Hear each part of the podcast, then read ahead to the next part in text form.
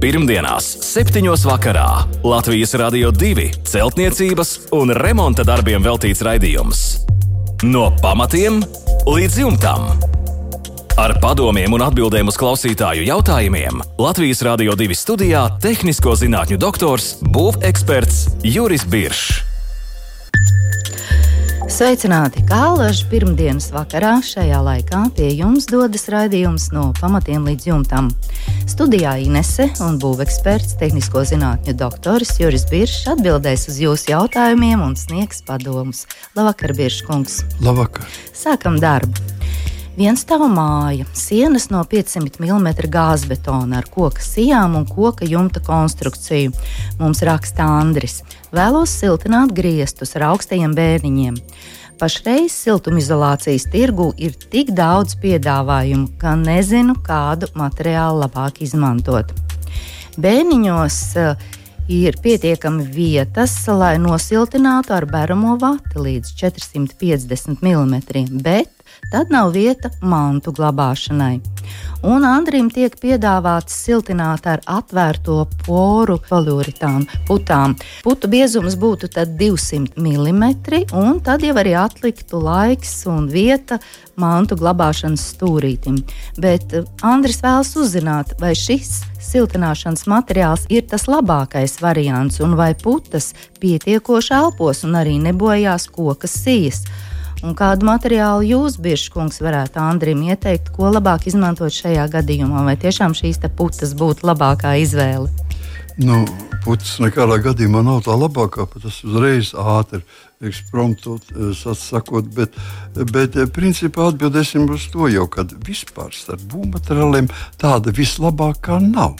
Tas nozīmē, ka, ja būtu tas vislabākais, tad vispārējie būtu izlikt ārpus veikala un pārdot tikai visu to labāko. Un pircējiem būtu ļoti Jā, vienkārši ļoti vienkārši aiziet un paņemt cik cik tev vajag. Bet, nu, diemžēl tas tā nav. Tie, eh, tās, tie, teiksim, piedāvājumie materiāli ir daudz, katram ir savs labās labās un savas sliktās īpašības, un cilvēkam ir mazliet kaut ko tomēr ir jāmēģina saprast, lai vismaz izvēlētos. Kas tas ir? Un katrs pārdevējs savu mantu slavē, Protams, un tas ir nu, pilnīgi normāli. Tas būtu pilnīgi nedabiski, ja, ja, ja tas tā nebūtu.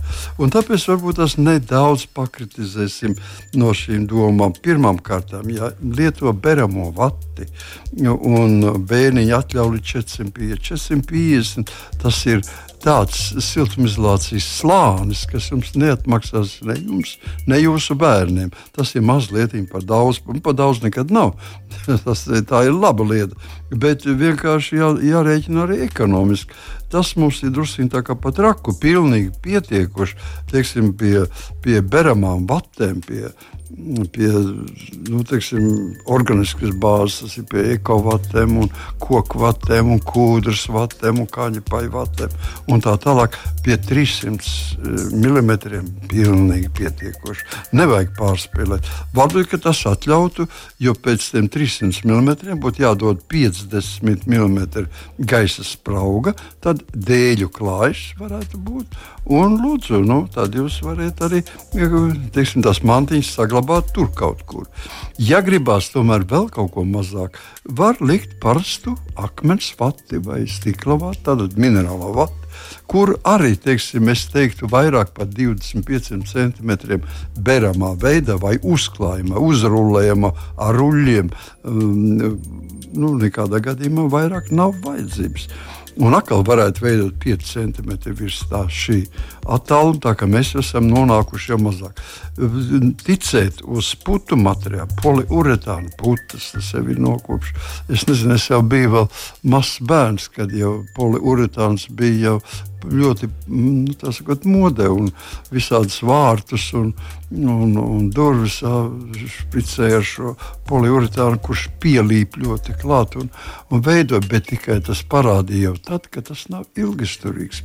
Tas ir uz gadu, pusotru viss cauri. Pēc tam viņš zaudēja savus, savas siltumtehniskās īpašības katastrofālā ātrumā, un tālāk jau tas paliek vienkārši kā tāds e, inerts materiāls, ne ar ko labāks, ne teiksim, par kaut kādām sāģu skaidām vai savādāk. E, tāpēc, tā, un otram kārtām kas būtu jāņem vērā.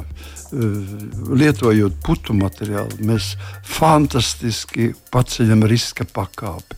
Mazākais dzirksts un jūsu Tātad, nu, teiksim, māja vispār nav vairāk glābjama. Kaut vai, kaut vai aizdedziniet un sauciet tūlītās ugunsdzēsē. Ja viņi nepaspēs neatbraukt, ka jau 15 minūšu laikā māja būs nodegusi.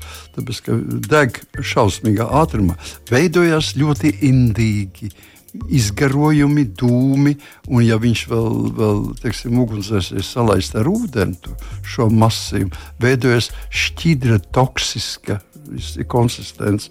Tātad, jebkurā gadījumā, jau tas arī bīstams ir. Un, un pats beidzamais viņš neelpo. Nu, praktiski elpo uh, visi. Pat, uh, teiksim, nu, pat polietilēna pudeles mēs redzam, kādreiz iespiežas uz iekšas. Nu, kaut kāds gaisa, gaisa process notiek, bet ļoti mazā mērā. Un tāpēc mēs varam teikt, ka putu poliuretāna. Poru putu, poliuretāna putas elpo ļoti mazā mērā. Un līdz ar to arī viss mitrums uzkrāsies apakšā, zem viņa un viņā pašā, iekšā, šajā poru materiālā. Un tas ir ļoti apgrūtinoši teiksim, priekš žūšanas procesiem. Jebkurā gadījumā es teiktu, ka visi citi materiāli, izņemot šos putu materiālus, gan poliuretāna, gan putu poliuretāna Mm, polistirola, mm, vienalga kādas putas mēs neliktu, vai kādas šo materiālu, mm, teiksim, plākšņu veidu materiāls, jebkurā gadījumā viņi nav domāti šīm, šai vietai. Pielietojiet to pie pagrabu veidošanas, pie pamatiem, pie, pie gruntīs, kur ir pastāvīgas temperatūras, kur nekāda eh, elpošanas procesi mūs īpaši nesatrauc. Tur viņi ir lieliski materiāli, ja? bet pārsegumā nu, tur taču ir atklāts gaiss Tur tiek klāta pat cauri koka jumta konstrukcija, nāk cauri ultravielā tie saules starti, sēdi, vecums un tā tālāk. Novecojums šis materiāls nav ilgizturīgs. Jā, un šis materiāls ir tiešā saskarē ar koku konstrukcijām. Jā, no koka konstrukcija tas nozīmē, ka kokam jāapkrūtināt šie vielu apmaiņa, apmaiņas procesi ar ūdens tvaikiem, ar gāzēm, ar gaisu. Un Tas nesekmē koka saglabāšanos. Tā tas nozīmē, ka veidosies sausā trupe. Jā. Skaidrs, paldies par atbildi Andrim. Nākamā vēstule. Pirts pamatu vainags no 200 x 200 brusām stāv uz skrūvpāļiem, 50 cm virs zemes līmeņa. Zem brusām ir ielikta melnā grīda kāds būtu pareizais siltinājuma pīrāgs un kādu siltumizolācijas materiālu jūs ieteiktu šajā gadījumā izmantot, jo pirts un duša skaitās mitrās telpas. Jā, nu, šeit ir diezgan interesanti. Principā, teorētiski, ir pilnīgi vienalga. Jums ir vienkārši jāsaglabā šīs grīdas, kas ir piepacelta virs grunts līmeņa. Nu, tātad šīs grīdas likumsakarības. Tas nozīmē, ka mums ir nevis tikai četras sienas, ārsienas, bet mums arī apakšpusē arī ir ārsiena. Un, ja viņi atbilst ārsienas teiksim, šim pīrāgam un noteikumiem, tad šis siltumizolācijas materiāls varētu būt jebkurš. Tas nozīmē, ka istabas pusē mums zem grīdas ir tvaikizolācija. Un tad sekos siltumizolācija, un tad ir vienkārši vēja barjera. Vairāk nekas tam nav vajadzīgs. Tā no šādiem eh, teiksim, nu, sastāvdaļām sastāv pamatā viss jūsu šis eh, grīdas, grīdas lielais biezais, biezais pīrāgs. Jautājums ir, kas būtu izdevīgāk? Nu, redziet, šeit ir pienākam pie tādas situācijas, es saprotu, ka, kad eh, pareizi būvējot, ir vien grūti, grūti ir paļauties uz to, ka tiešām izdosies pareizi uzbūvēt. Gan jau vienmēr kaut kur kaut kāds ne, nehermetiskums un, un nu, kāds plēve nebūs līdz galam nolikt un kaut kur kāds, kāds cits defekts. Un tāpēc, lai izbēgtu no tā, tiešām tā ir pirts, tad, tad tur ir mitrie procesi, kas varētu būt ļoti kaitīgi visai koka konstrukcijai, visai, visām brusām.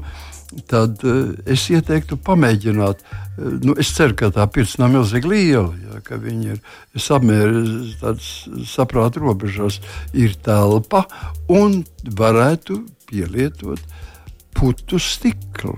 Putu stiklu, ja, putu stikla ķieģelīšus kurus var salikt ļoti skaisti. Teiksim, vienalga, kurā kādā biezumā tie ir ūdeni neuzsūcoši, nekondensējuši. Tātad dārgs, dārgs materiāls, protams, neelpojošs materiāls, absolūti neelpojošs, kas nozīmē to, ka mums ir kaut kādā veidā zem grīdas materiāli būs jau, jau ventilējušā sprauga, un tālāk viss tas var būt tāds, kā viņš arī ir. Viņam nekāda elpošana vairāk nav vajadzīga. Galvenais, ka dabūt to pirts mitrumu prom, lai viņš neieiet siltumizolāciju, jo siltumizolācija būtu ar konstantām, labām siltumtehniskām īpašībām.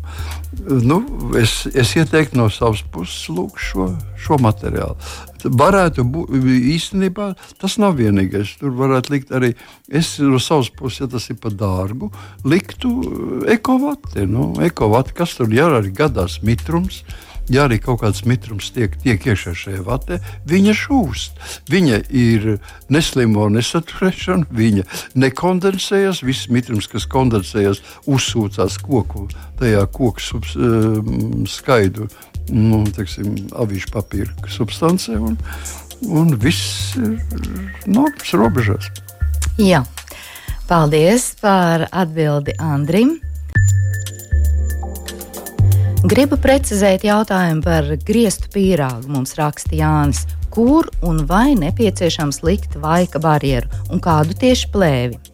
Augstie bēniņi, griestu pīrāgs no istabas puses ir šāds rīģipsis, kas veido iekārtos griestus, 200 mm sprauga, tiks liktas rekuperācijas sistēma, tvaika barjera, un šī tad Jānim ir līdz galam neskaidrā daļa. Dēļu klājas vai OSB, dēļi griestu nesošās konstrukcijas, 300 mm beramā vate, akmens vai ekovate, tad pretvēja plēve un augstie bēniņi. Un e, Jānis ir arī pievienojis attēlu ar zīmējumu, kur visa šī, šī konstrukcija ir rūpīgi uzzīmēta un attēlot. Nu, ko jūs teiktu, Biržkungs, kā tur izskatās viss? Vai viss ir pareizi, vai tā var būt? Nē, nē, viss ir pareizi un tā var būt. Tikai es pilnīgi saprotu, neskaidrība rodas tur, jo vairāk nav tie izmēri. Mums aiz paša sākuma tātad ezerīģipši, kas veido griestus. Ja, mums ir iekārtos griestus. Jā, iekārtos griestus veido.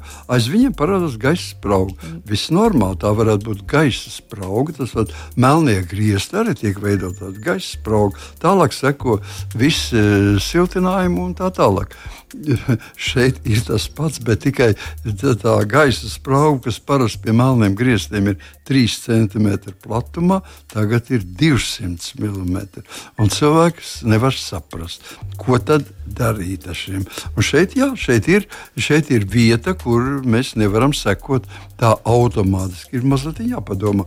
Un tad, tad kādi ir varianti? Varianti ir vairāk. Tātad mēs varam atstāt droši šīs rekuperācijas caurules, zinām, ka noteikti zināmos apstākļos kāda no tām kondensēsies esošais gaiss un uzmetīsies ūdens pilītes, mikroskopisks var parādīties.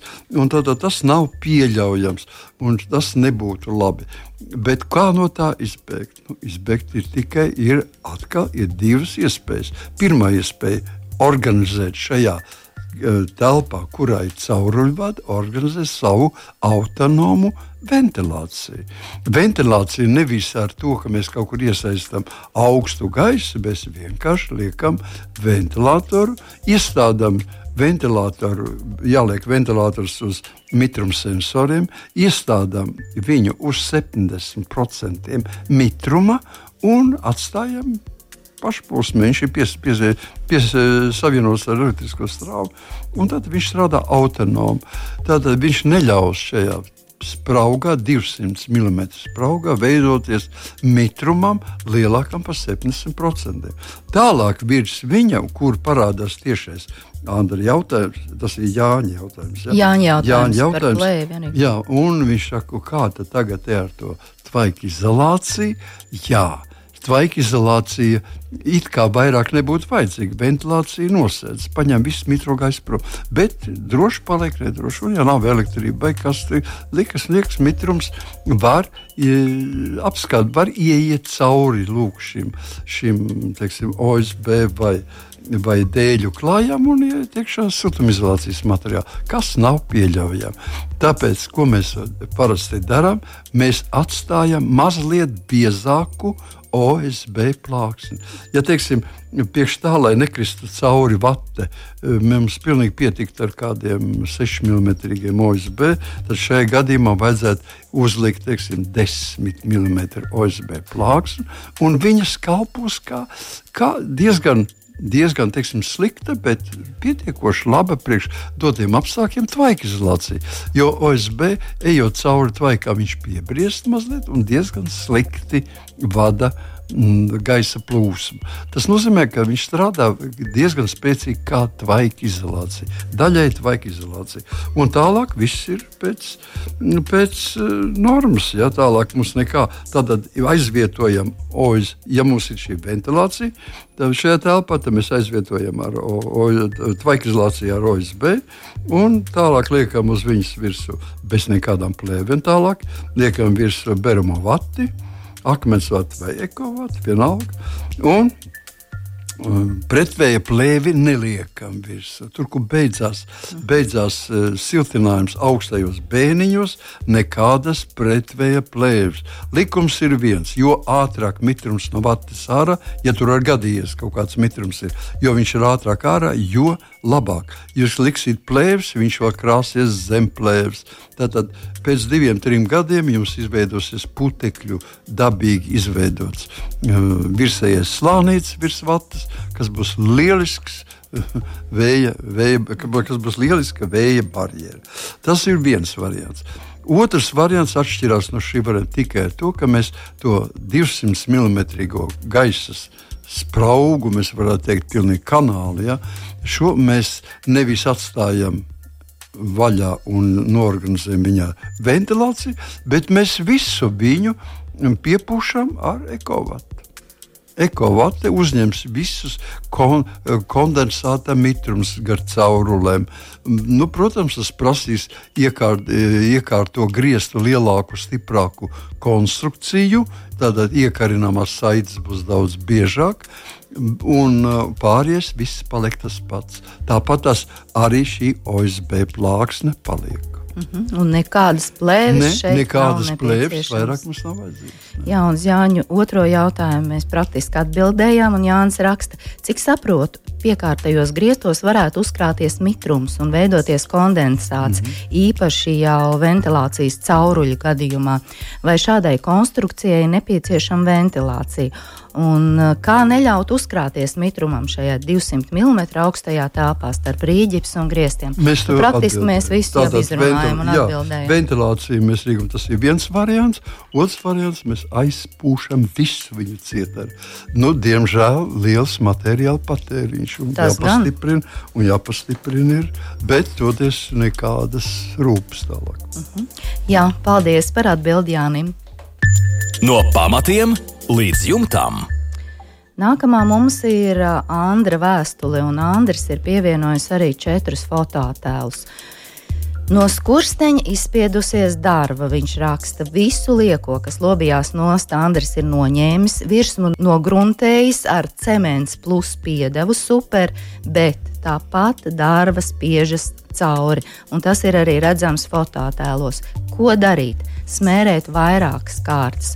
Virsū domāju likt eh, apmēram 75 mm ģipšu apmetumu un arī izlīdzināšu ar flīžu līmi, un tad ir noslēgumā domāts eh, šo skursteni noflīzēt. Bet šī darba un šie izsvīdumi, ko darīt? Kā rīkoties? Jā, nu, vienkārši eh, vēlreiz mazliet atkārtošu to tehnoloģiju ar šo pašu sastāvu. Sastāvs ir pareizi izvēlēts, tikai es neesmu pārliecināts, vai tiešām visas proporcijas ir precīzi. Tātad, kā es gribētu, pie attīrītas virsmas, kura pirms gruntēšanas tiek mitrināta. Un tad uz šīs samitrinātās grunts mēs liekam virsū maisījumu, kas sastāv no uh, tilpuma daļās, sauksim tilpuma daļās. Tātad viena tilpuma daļa uh, super, tas ir sintētiska lateksa emulsija. Vienalga, kādas firmas jūs varat neņemt. Ja?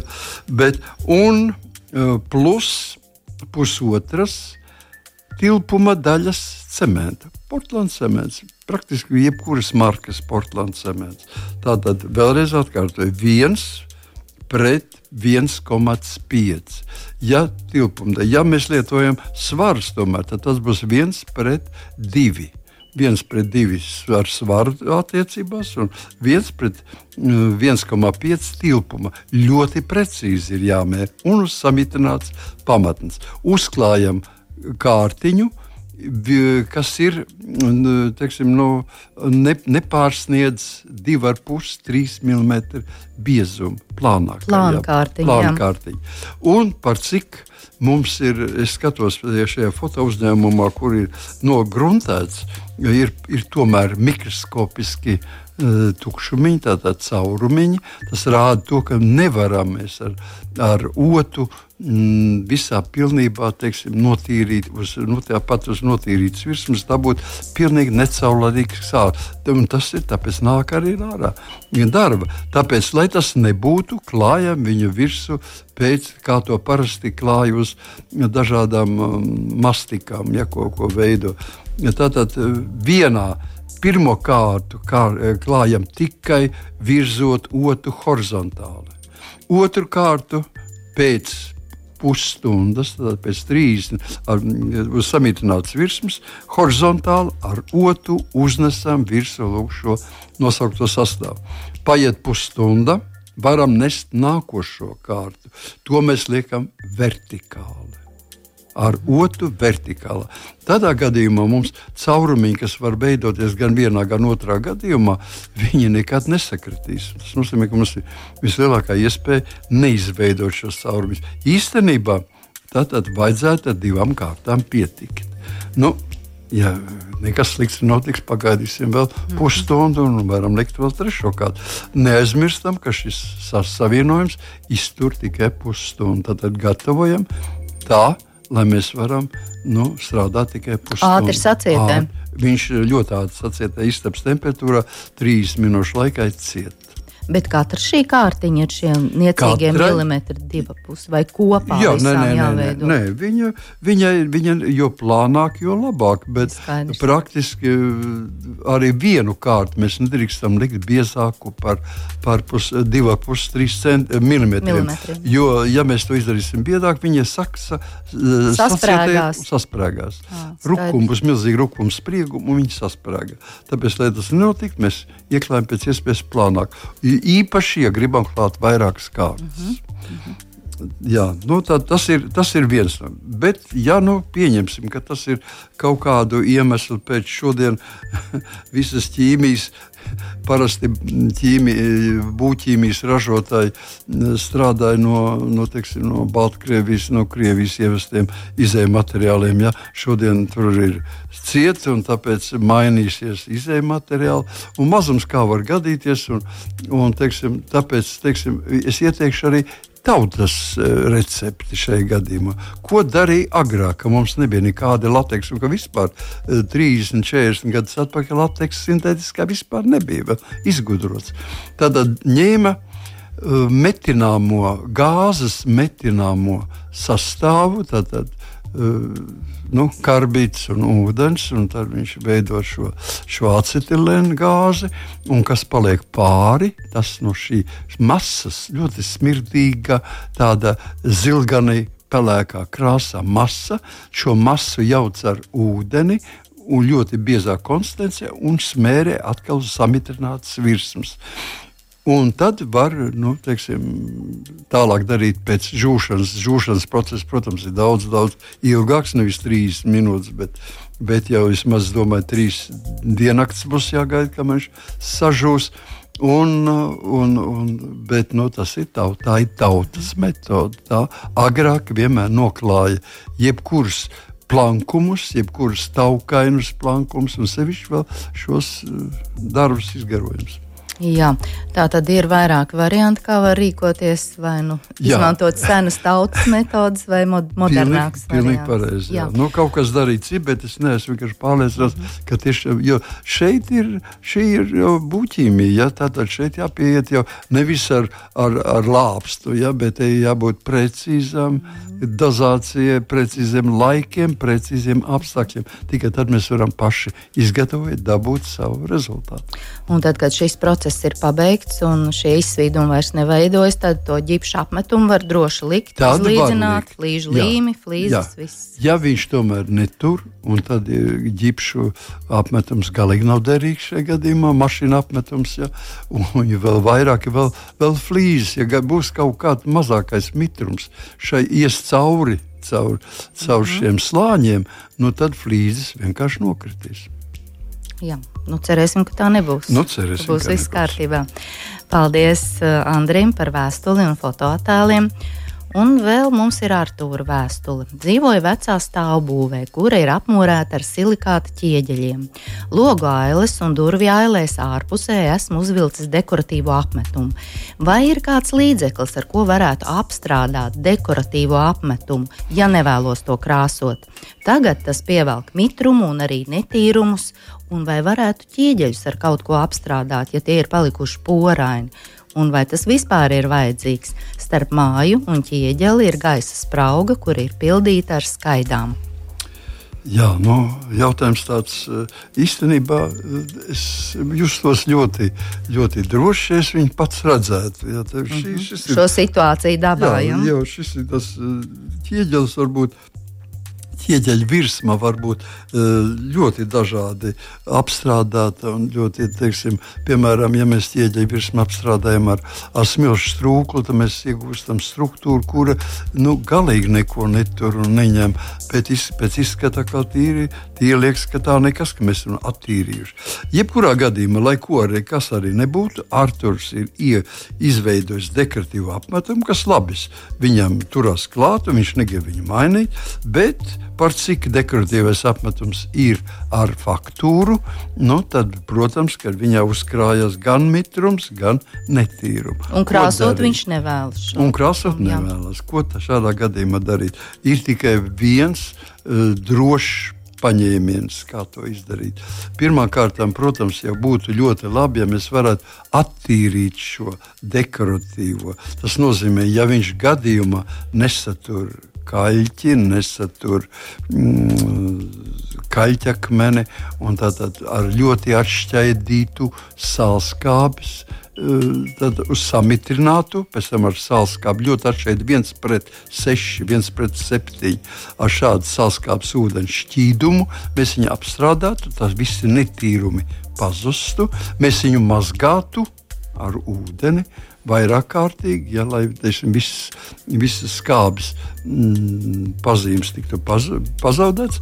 Un pēc tam, kad viņš ir nožuvis, mēs viņu apstrādātu ar hidrofobizējošu šķidrumu. Atceramies, hidrofobizējošs šķidrums.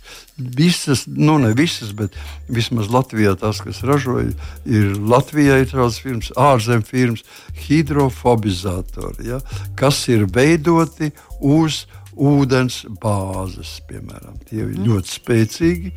Nu, var lietot arī uz vaitspirīta bāzes, veidot, tie ir mazāk spēcīgi.